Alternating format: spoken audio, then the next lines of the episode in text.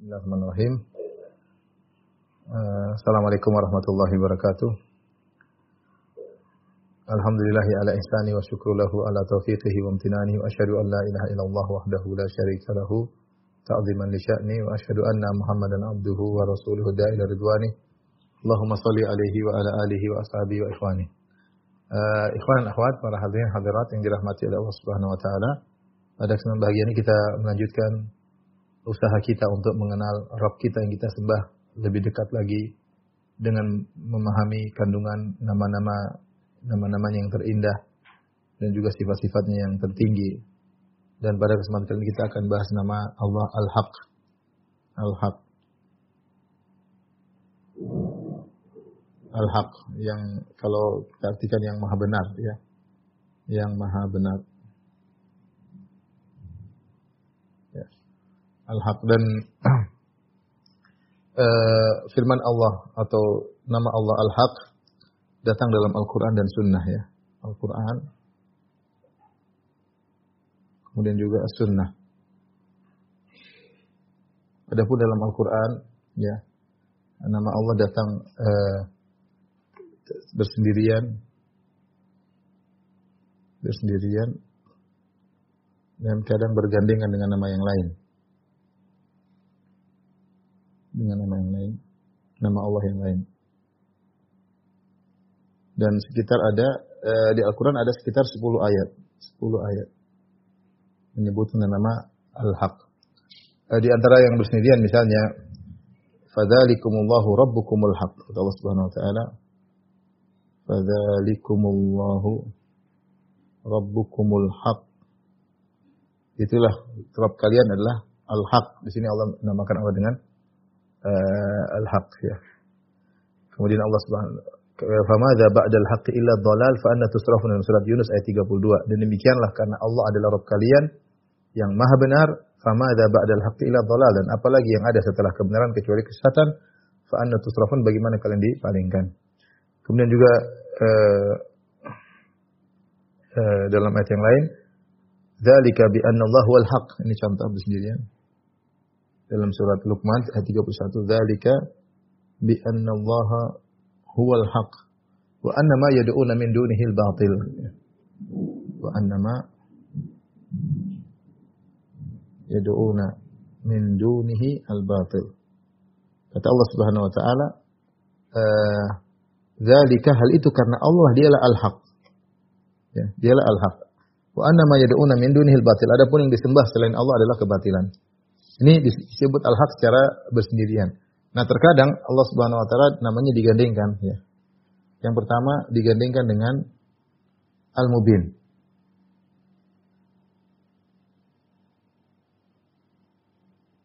Dengan al-mubin. Seperti dalam Al-Qur'an kata Allah Subhanahu wa taala, eh, Yauma idzi yuwaffihimullahu dinahumul haq wa ya'lamuna anna Allahu al haqqul mubin dalam eh, surat An-Nur. Wa ya'lamuna anna Allaha huwa al-haqqul mubin. Ini digandengkan antara al-haq dan mereka mengetahui bahwasanya Allah dialah yang al-haq yang benar dan mubin yang menjelaskan. Kemudian kedua, nama Allah digandengkan dengan uh, Al-Malik. Jadi ada dua ayat digandengkan dengan Al-Malik, yaitu Maharaja ya. Seperti dalam firman Allah Subhanahu wa taala, "Fata'ala Allahul Malikul Haq." Dalam surat uh, Al-Mu'minun. Fata'ala Allah Al-Malikul Haq. Sungguh maha suci dialah Allah yang maha raja dan maha benar ya. Ini dalam Al-Quran. Jadi sekitar 10 ayat menyebutkan tentang nama Allah. Adapun dalam sunnah, yang disebutkan bahwasanya Rasulullah SAW ya. Kalau salat malam ya. Sebagaimana dalam Ibnu dari Ibnu Abbas radhiyallahu taala anhuma eh kana Nabi sallallahu alaihi wasallam idza qama minal lail yatahajjadu qala. Adalah Nabi sallallahu alaihi wasallam kalau bangun malam itu salat tahajud Rasulullah sallallahu berdoa itu Rasulullah sallallahu istiftah dengan doa ini. Doa istiftah salat malam di antaranya doa ini. Eh, doa istiftah ketika salat tahajud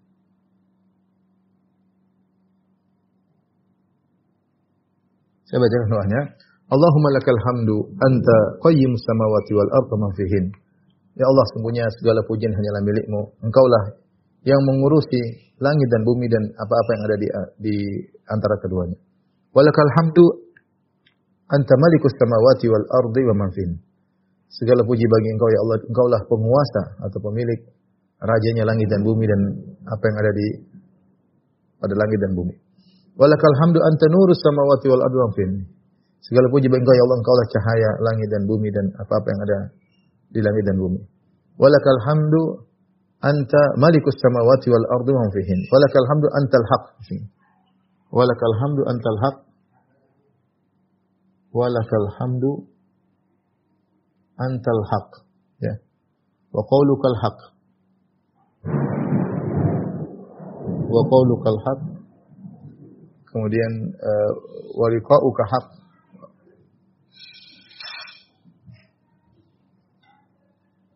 Wa liqa'uka haq. Kemudian wal wal, wal jannatu haq wan naru haq. Wal jannatu haqqun wan naru haqqun wan nabiyuna haqqun nabiyuna haqqun wa Muhammadun sallallahu alaihi wasallam haqqun ya wasa'atu haqqun.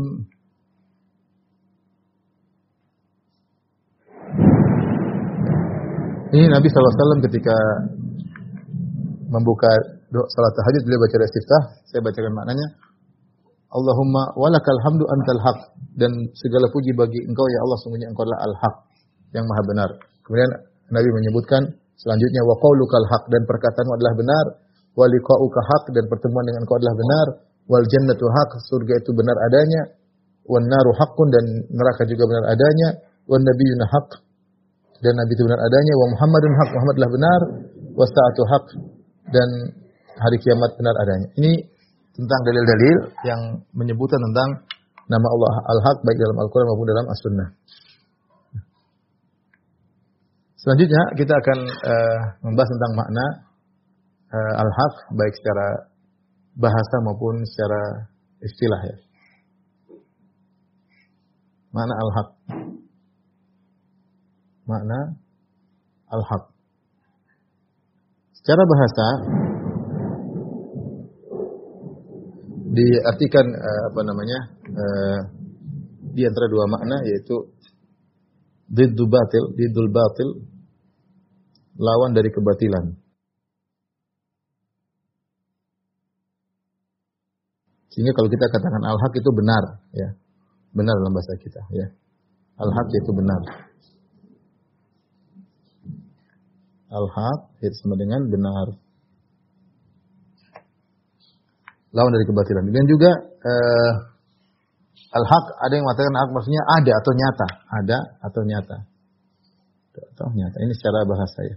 Al-haq ada atau nyata. Dan ini uh, datang penggunaannya dalam Al-Qur'an seperti contoh Rasulullah SAW mengatakan misalnya apa? Al-ainu haqqun al ainu hak. Bahwasanya ain itu benar adanya ya. Kata Nabi wasallam, ain itu benar adanya. Benar adanya. Ya. Tadi Rasulullah SAW juga mengatakan al jannatu hakun misalnya. Al jannatu hakun. Bahwasanya surga itu ada. Surga itu nyata. Neraka itu nyata. Ya, ini contoh al haq maknanya adalah ada atau nyata. Seperti Allah menamakan uh, hari kiamat dengan al haqqatul haqqah. Di antara nama hari kiamat nama hari kiamat Al-Haqqah. Al-Haqqah dalam surat Al-Haqqah, Al-Haqqah, Mal-Haqqah. Kenapa Al-Haqqah dia dari hak. Al-Haqqah maksudnya benar akan terjadi, nyata. Nyata akan terjadi. Tidak tidak diragukan.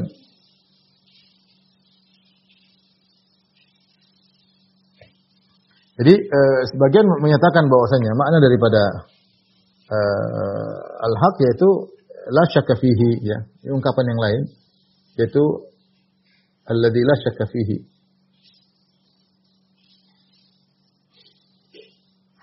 Yang tidak ada keraguan. Keraguan padanya. Sedangkan hak berarti benar, tidak salah ragu-ragu, tidak batil dan nyata adanya. Ya ini makna secara bahasa ya. Adapun secara istilah uh, al-haq digunakan dalam banyak uh, penggunaan ya. Ini disebut oleh Al-Qurtubi dalam kitabnya Al-Asna fi Asmaul Husna saya akan sebutkan ya. Makna al-haq ya secara istilah ya disebut ya, Al-Qurtubi rahimahullah menukil dari Ibn al-Arabi. Ibn al-Arabi ya yang punya uh, apa namanya ahkam uh, tentang tafsir yang banyak berisi tentang hukum-hukum fikih ya. Uh, al-Arabi bukan Ibn Arabi kalau Ibn Arabi yang wahdatul wujud adapun Ibn al-Arabi adalah alim Maliki, alim, seorang alim bermadzhab Maliki, ahli tafsir dan fikih. Uh, dinukil oleh Al-Qurtubi, Al-Qurtubi juga uh, Abu Abbas Al-Qurtubi juga uh, atau Abu Abdul Al-Qurtubi ya. Sama uh, beliau juga uh, ulama Malikiyah menyebutkan secara istilah bahwasanya al-haq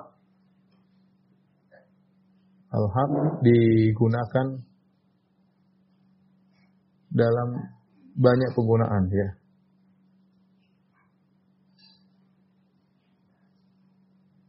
Disebutkan oleh ada sekitar 11 ya. Kurang lebih 11 penggunaan. Saya akan sebutkan sebagiannya. Di antaranya sebelas tersebut misalnya nama Allah sebagai nama Allah Al-Haq. Sebagai nama Allah Al-Haq. Contoh juga yang kedua, ya. Al-Haq adalah Allah Subhanahu wa taala seperti uh, uh, Al-Qur'an juga disebut dengan Al-Haq. Al-Qur'an disebut Al-Haq. dalam firman-Nya?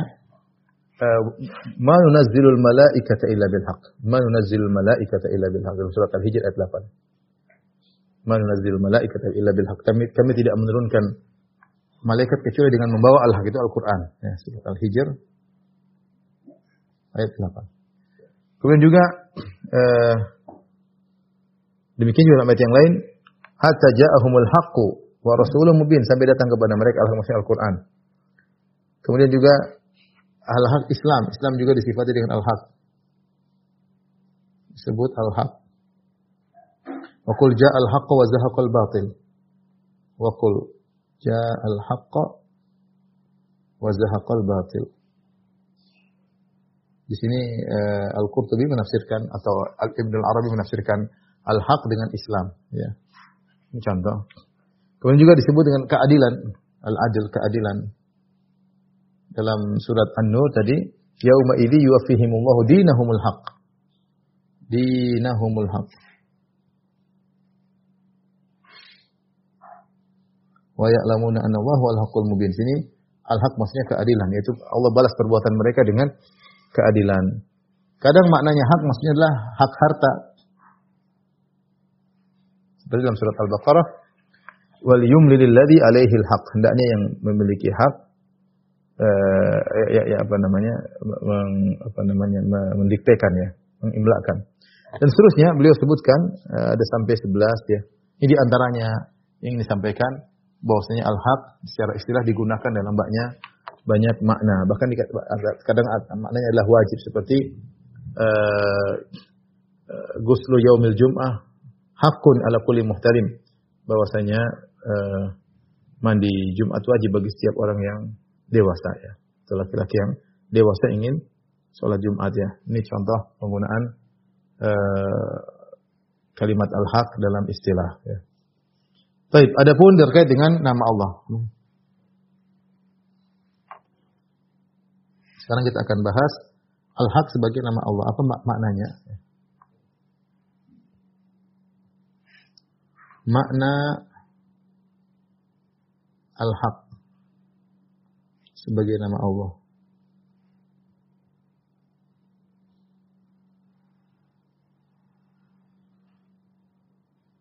Apa makna al-haq?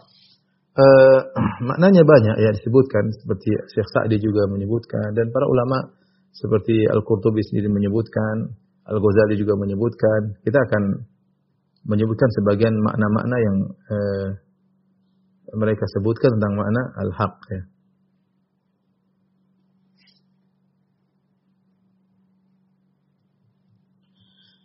Di antara makna al-haq ya, disebutkan oleh sebagian mereka yaitu wajibul wujud ya.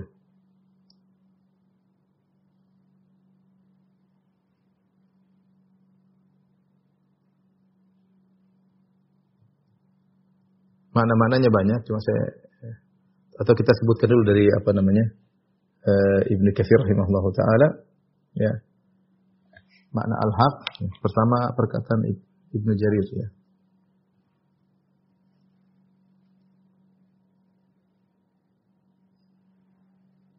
Ibnu Jarir atau Bari ketika beliau menafsirkan firman Allah Subhanahu wa taala dalam surat Yunus ayat 30, "Wa ruddu ila Allahi maulahumul haq." Firman Allah, "Wa ruddu ila Allahi maulahumul haq."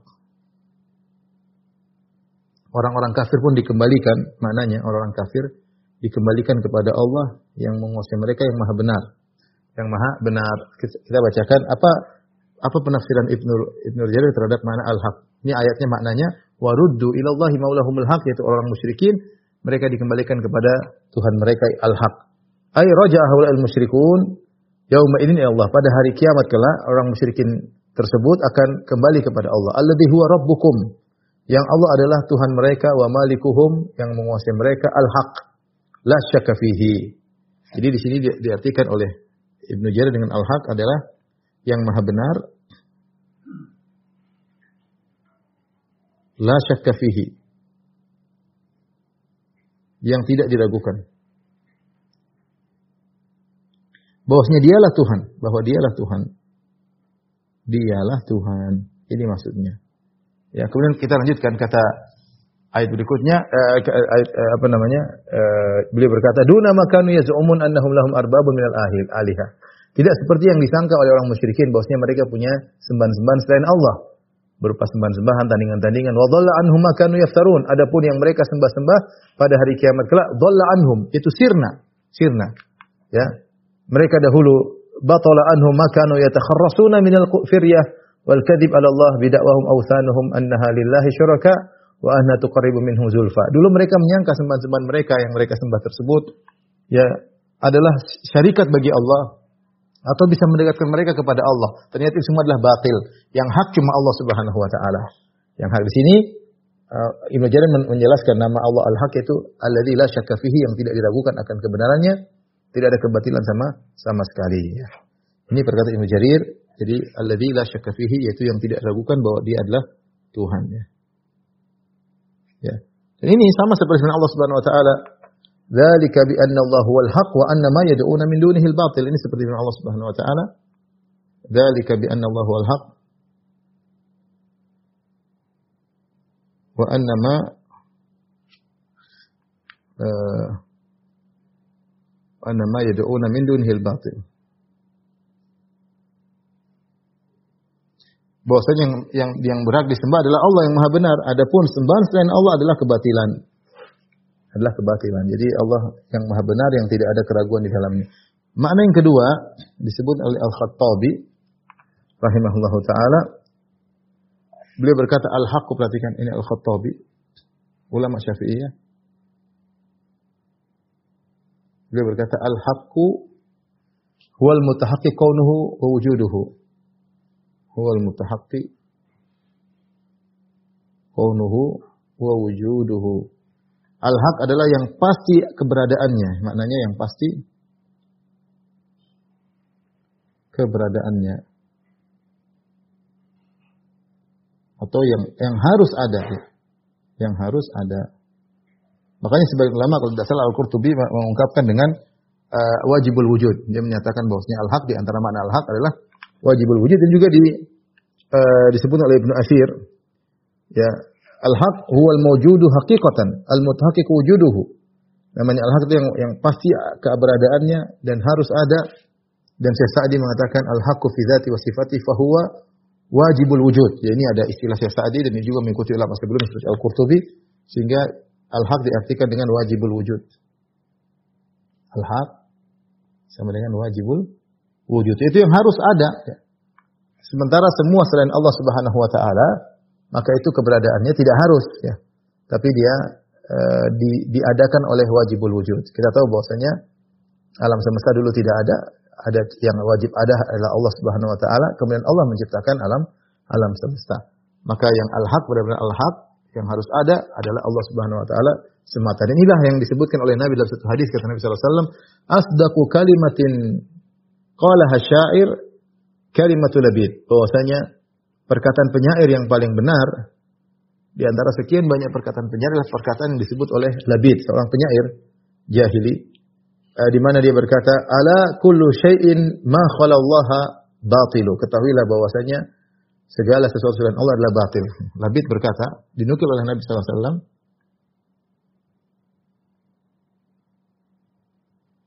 "Ala kullu syai'in ma khalallaha batilu." Ketahuilah segala sesuatu selain Allah adalah batil.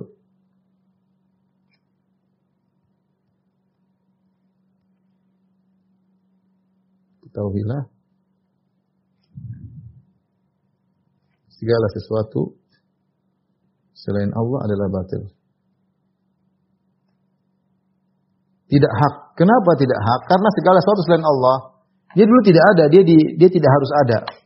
Dia tidak harus ada dan dia diadakan oleh Allah Subhanahu wa taala. Kemudian dia tidak harus kekal. Keberadaannya bisa sirna sehingga menjadi kebatilannya. Ya. Bisa jadi batil. Jadi eh, adapun al-haq yaitu yang harus ada yang ya, ya, yang pasti keberadaannya. Adapun selain Allah Subhanahu wa taala tidak harus ada dan tidak selalu ada. Bisa jadi dia sirna, bisa jadi dia hilang. Itulah uh, apa namanya? makna al-haq. Jadi al-haq wajibul wujud yang harus ada keberadaannya itu harus ada. Ini di antara perkataan para ulama tentang makna al-haq. Uh, dan yang dipilih oleh Syekh Abdul Razak hafizahullah taala ya bahwasanya al-haq ini dua makna eh, beliau bawakan kepada mana la syakka ada lagi yang tidak diragukan yang tidak diragukan ya. Sehingga eh, inilah dua makna mungkin bisa kita sampaikan ya. Al-haq di dari maha benar dan maha berada, tidak tidak diragukan akan kebenarannya. Dan uh, kedua makna ini menunjukkan Allah ya. Allah hak pada zatnya, perhatikan pada zatnya, itu Allah zat pada zatnya itu pasti ada dan harus ada, pasti dan harus ada. Kemudian hak pada sifat-sifatnya, sifat-sifat Allah pasti hak. Kemudian perbuatan-perbuatannya pasti hak, pasti benar, tidak diragukan keputusan-keputusannya ya. Ini eh, pasti pasti hak, kemudian syariatnya pasti benar ya hak ya. Pengkhabarannya pengkhabarannya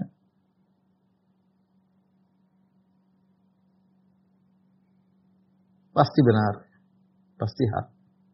Semua yang terkait dengan Allah Subhanahu wa taala ya pasti benar. Kemudian janjinya, ancamannya,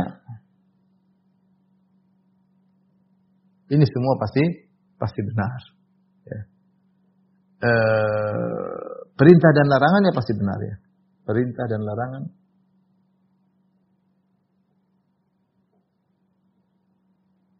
Nah inilah kira-kira makna al-haq ya. Kalau kita bawakan kepada makna la syakka ya uh, maka semua yang terkait dengan Allah adalah benar, maha benar. Jadi kalau kita artikan al-haq adalah maha benar ya. Jadi dua makna secara istilah dibawa oleh para ulama, satunya maha benar yaitu alladzi la syakka fihi sebagian perkataan Ibnu Jarir At-Tabari yang dipilih oleh Syekh Abdul Razak radhiyallahu taala atau dibawa kepada mana Al-Khattabi, Al-Khattabi dan juga Abu Abbas Al-Qurtubi dan juga disinggung oleh Syekh Sa'di bahwasanya uh, al-haq maksudnya al-muhaqqiqu kaunuhu wa wujudu harus ada yaitu wajibul wujud karena dia adalah sang pencipta. Kalau nggak ada pencipta, nggak ada ciptaan, nggak ada makhluk.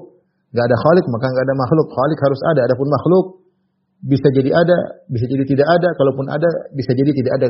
Kemudian di, diikuti dengan ketiadaan. Adapun Allah Subhanahu wa taala adalah Al-Haq, dia maha ada dan dia juga maha benar dari segala yang terkait dengannya. Zatnya, sifat-sifatnya, perbuatannya, syariatnya, pengkhabarannya dan semuanya. Makanya dalam tadi doa doa tahajudnya Nabi sallallahu alaihi wasallam kita kembali Rasulullah SAW berkata, uh, Walakal hamdu anta walakal hamdu antal haq kata Nabi dan segala puji bagi Engkau ya Allah sungguhnya Engkau adalah al-haq yang maha benar. Wa wa'duka haq wa wa'dukal haq dan janjimu benar. Ya, kalau kalau Allah menjanjikan sesuatu pasti benar. Wa liqa'uka haq dan pertemuan dengan Engkau pasti benar adanya, pasti terjadi.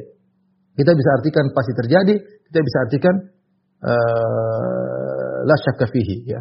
Tidak diragukan, pasti benar ya. Wa qauluka haq dan perkataan engkau adalah benar, ya. Yaitu firman Allah pasti benar, tidak ada salahnya sama sekali. Wal jannatu haq dan neraka yang kau kabarkan pasti terjadi, itu benar adanya. Wan naru haq dan neraka yang kau kabarkan pasti benar adanya dengan berbagai macam siksaannya, surga dengan berbagai macam uh, kenikmatan yang ada dalamnya pasti benar karena kau yang mengkabarkan. Wan naru haq dan neraka benar adanya dengan berbagai ancaman siksaan itu benar adanya. Wan nabiyuna haq dan seluruh nabi yang kau utus adalah benar adanya. Wa Muhammadun haq. Dan Muhammad adalah benar. Rasulullah sallallahu alaihi wasallam wa sa'atu haq dan hari kiamat hak pasti terjadi. Makanya dalam dalam Al-Qur'an wa anna sa'ata atiyatun la raiba fiha. Ya sama dengan wa anna sa'ata haqqun. Wa anna sa'ata atiyah bahwasanya hari kiamat pasti terjadi la raiba fiha tidak ada keraguan. Wa anna Allah yab'atsu man fil kubur dan Allah akan membangkitkan manusia dari kuburannya. Jadi Al-haq maknanya dua, bisa artinya pasti terjadi atau uh, benar atau benar adanya atau tidak ada keraguan di dalamnya. Inilah secara sederhana makna uh, makna al-haq ya. Makna al-haq. Baik. Sudah?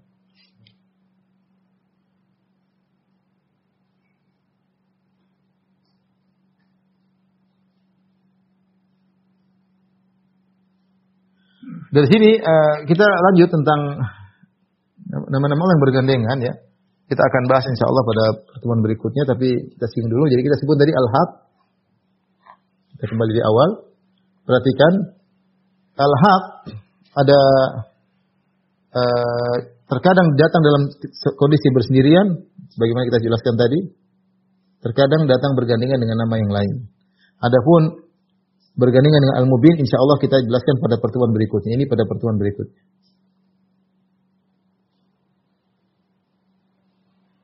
Yang ingin kita bahas sekarang digandingkannya Al-Haq dengan Al-Malik. Perhatikan Al-Haq dengan Al-Malik Al-Malik Al-Haq. Dan ini datang dalam dua ayat.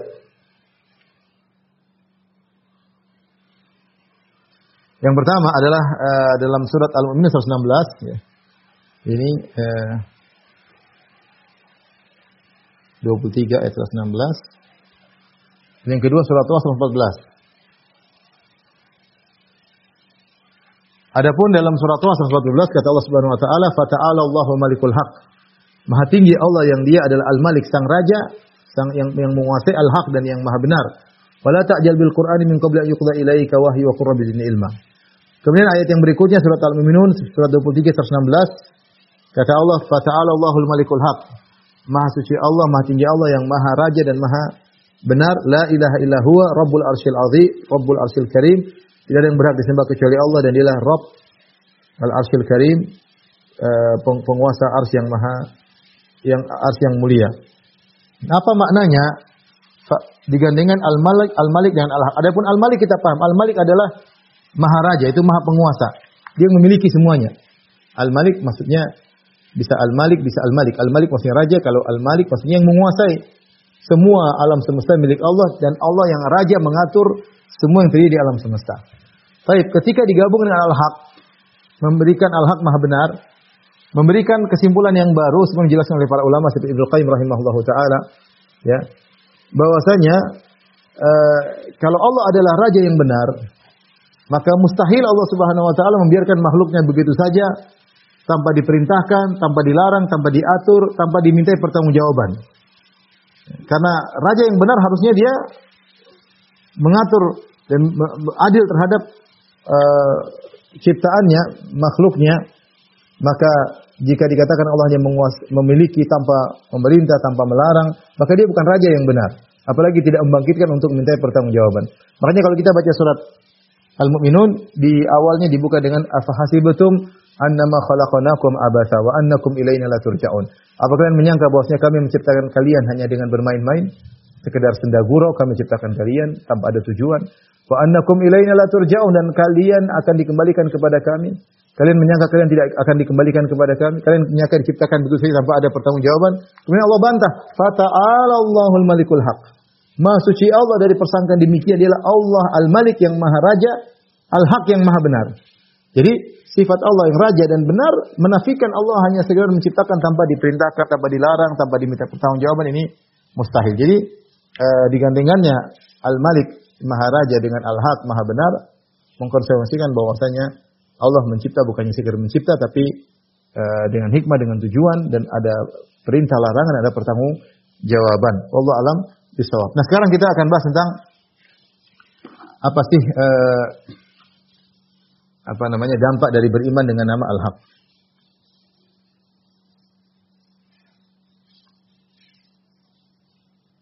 Dampak positif beriman dengan Al-Haq.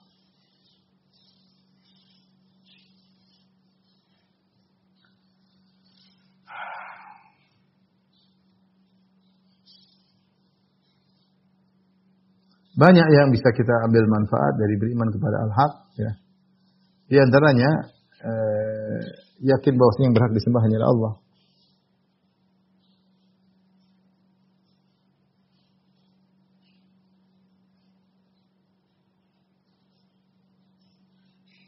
Kenapa yang berhak disembah Allah? Karena Allah adalah hak dari segala sisi. Hak zatnya, hak sifatnya, hak perbuatannya, hak keputusannya, hak perkataan janjinya, ialah yang harus ada. Adapun selain Allah, tidak ada yang hak. Wa anna ma yad'una min dunihil batil. Semua yang di selain Allah adalah kebatilan. Yang berhak disembah hanyalah Allah. Adapun selain Allah semuanya batil. Entah manusia yang jadi tidak ada menjadi ada, ya, atau manusia yang bakalan mati, ya, atau malaikat yang dicipta diperintahkan oleh Allah Subhanahu wa taala atau menyembah matahari yang perjalanannya diatur oleh Allah Subhanahu wa taala, menyembah wali-wali yang sudah mati, maka selain Allah tidak berhak disembah karena mereka tidak hak keberadaannya tidak harus ada dan keberadaannya di, disusuli dengan ketiadaan, dengan kematian, dengan kesirnaan. Maka yang berhak disembah hanyalah Allah Subhanahu wa taala. Dialah al-haq di dunia maupun di akhirat. Ya. Ya, yang lain selain Allah adalah batil. Ini yang pertama. Kedua di antara dampak positif adalah membenarkan seluruh kabar dari Allah dan Rasulnya.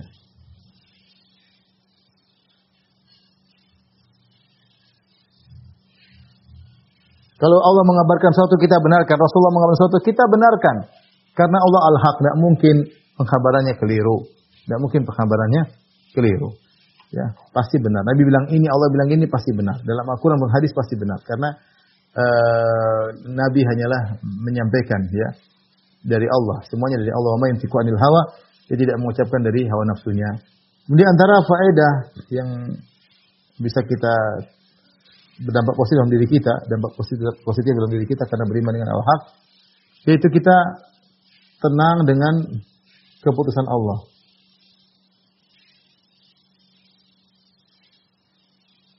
Dalam takdir ya. Kalau sesuatu menimpa kita, kita bilang Allah al-haq karena keputusan Allah pasti benar, tidak ada yang salah.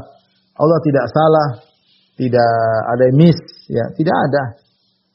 Tidak ada salah prediksi, tidak mungkin. Allah nggak mungkin, Tuhan nggak mungkin demikian karena semua keputusan Allah pasti benar adanya, pasti di atas ilmu, ya. Dan semua yang Allah tetapkan pasti benar. Maka kita tentram apa yang Allah putuskan yang terbaik bagi kita selama kita sunatan sama Allah Subhanahu wa taala, selama kita prosedural, kita sudah beribadah, sudah berdoa, yakin apa yang Allah putuskan itu yang terbaik karena dia adalah al-haq. Kemudian menjalankan syariat tanpa ragu-ragu.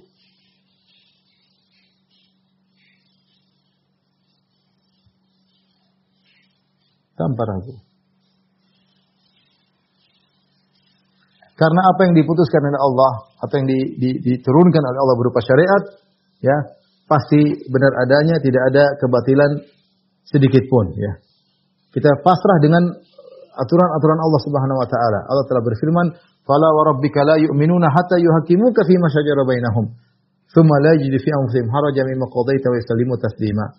Ya kata Allah, demi Rabbmu kalian tidak beriman, mereka tidak beriman, la yu'minun, demi Rabbmu mereka tidak beriman sampai mereka menjadikan engkau wahai Muhammad sebagai hakim bagi mereka atas apa yang mereka perselisihkan, kemudian mereka menerima keputusanmu tanpa ada tanpa ada grundel sedikit pun dan mereka pasrah dengan sepasrah-pasrahnya atas keputusanmu.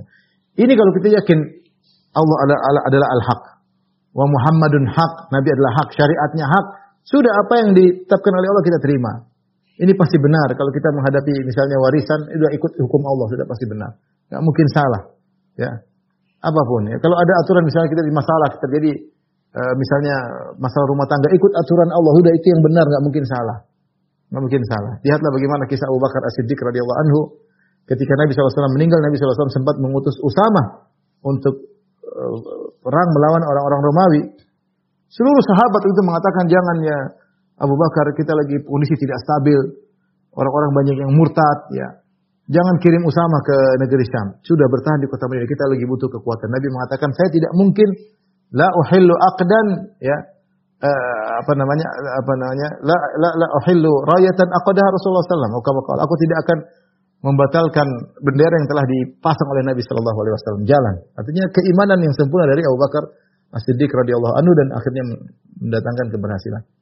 Dan banyak contoh-contoh dari para sahabat bagaimana mereka pasrah dengan keputusan Allah Subhanahu Kalau kita tahu ini adalah hukum Allah maka tidak usah ragu-ragu. Kemudian juga kalau kita tahu eh, kita tunduk kepada ya tunduk kepada kepada kebenaran dari dari mana pun datangnya syariat siapa pun yang menyampaikannya Kalau ada orang menyampaikan kebenaran dan itu adalah agama Allah Subhanahu wa taala, mungkin orang lebih muda daripada kita, mungkin dia tidak bergelar. Sudah kalau itu benar syariat Allah kita tunduk karena syariat Allah pasti hak.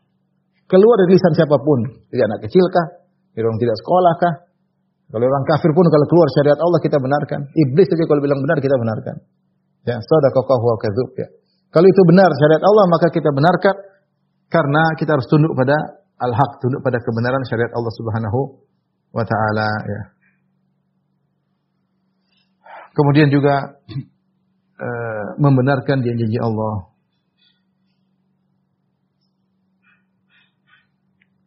Ini ini butuh keimanan. Ketika Allah menjanjikan siapa yang sabar begini, siapa yang bertakwa, ya ja'alahu makhraja Allah akan wa ja'alahu makhraja.